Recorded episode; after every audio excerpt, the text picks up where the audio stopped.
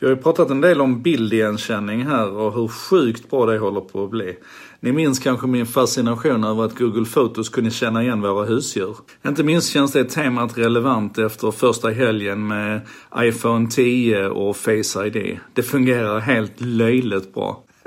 Jag måste erkänna att jag är fullständigt fascinerad över hur självklart det känns att låsa upp telefonen bara genom att titta på den. Jag trodde inte det, men det är friktionslöst underbart. Oavsett om det är ljust eller mörkt eller om jag har glasögon på mig eller inte så har den faktiskt inte misslyckats en enda gång. Så visst är det en fullständigt fascinerande teknik. Men vi ska ha klart för oss att den känner inte igen ansikten på samma sätt som vi människor gör.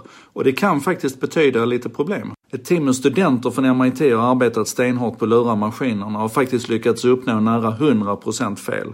I alla fall med Googles AI som de fokuserat på. Ett typiskt exempel från deras rapport är hur en 3D-skriven sköldpadda nästan undantagslöst tolkas som ett maskingevär.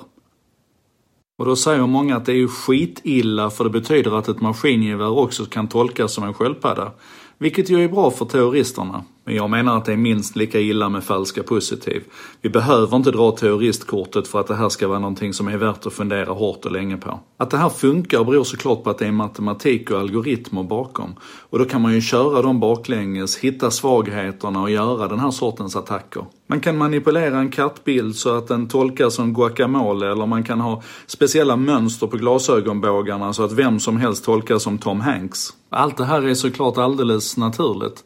Allt som kan brukas kan missbrukas och all teknik har sina svagheter. Det fina här och nu är att forskning runt både medel och motmedel bedrivs relativt öppet och att varje sån här attack möts av nya och bättre algoritmer. Vi som användare måste balansera på en fin linje här. Vi får inte bli överdrivet skeptiska men inte heller glömma bort att teknik som Face ID fortfarande har sina sårbarheter. Och sedan så tror jag att vi också ska titta på bildigenkänningens nästan ännu mer fascinerande syskon. En teknik där vi kan skapa video till exempel som ser och ser helt äkta ut och känns helt äkta men som i själva verket är totalt fake. Jag länkar till några sådana videos där vi bland annat får se Obama hålla tal som han aldrig har hållit och det är helt magiskt och inte så lite otäckt och väldigt utmanande. Sådana här exempel ställer ju hela frågan om fake news verkligen på sin spets.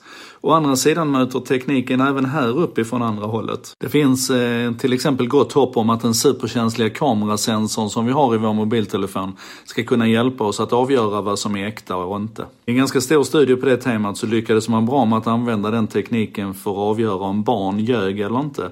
Till och med ifrån inspelat material. Bäva månde Trump. Men för att sammanfatta så kan man säga att tekniken blir bättre och bättre på att både läsa och återskapa den fysiska världen. Och det måste vi förhålla oss till. Så ut nu och leta efter situationer som sporrar din tanke på det här området. Eh, Face ID till exempel är en sån. Varje gång jag använder den så påminns jag om den här tekniken. Men leta också efter situationer där tekniken inte finns idag men skulle kunna göra nytta. Och där ett fel, även ett positivt fel, skulle kunna göra stor skada. Ja, just det, en sak till. Om du brukar följa en sak idag via podden så snälla håll ut. Jag lovar, på tisdag är den tillbaka igen.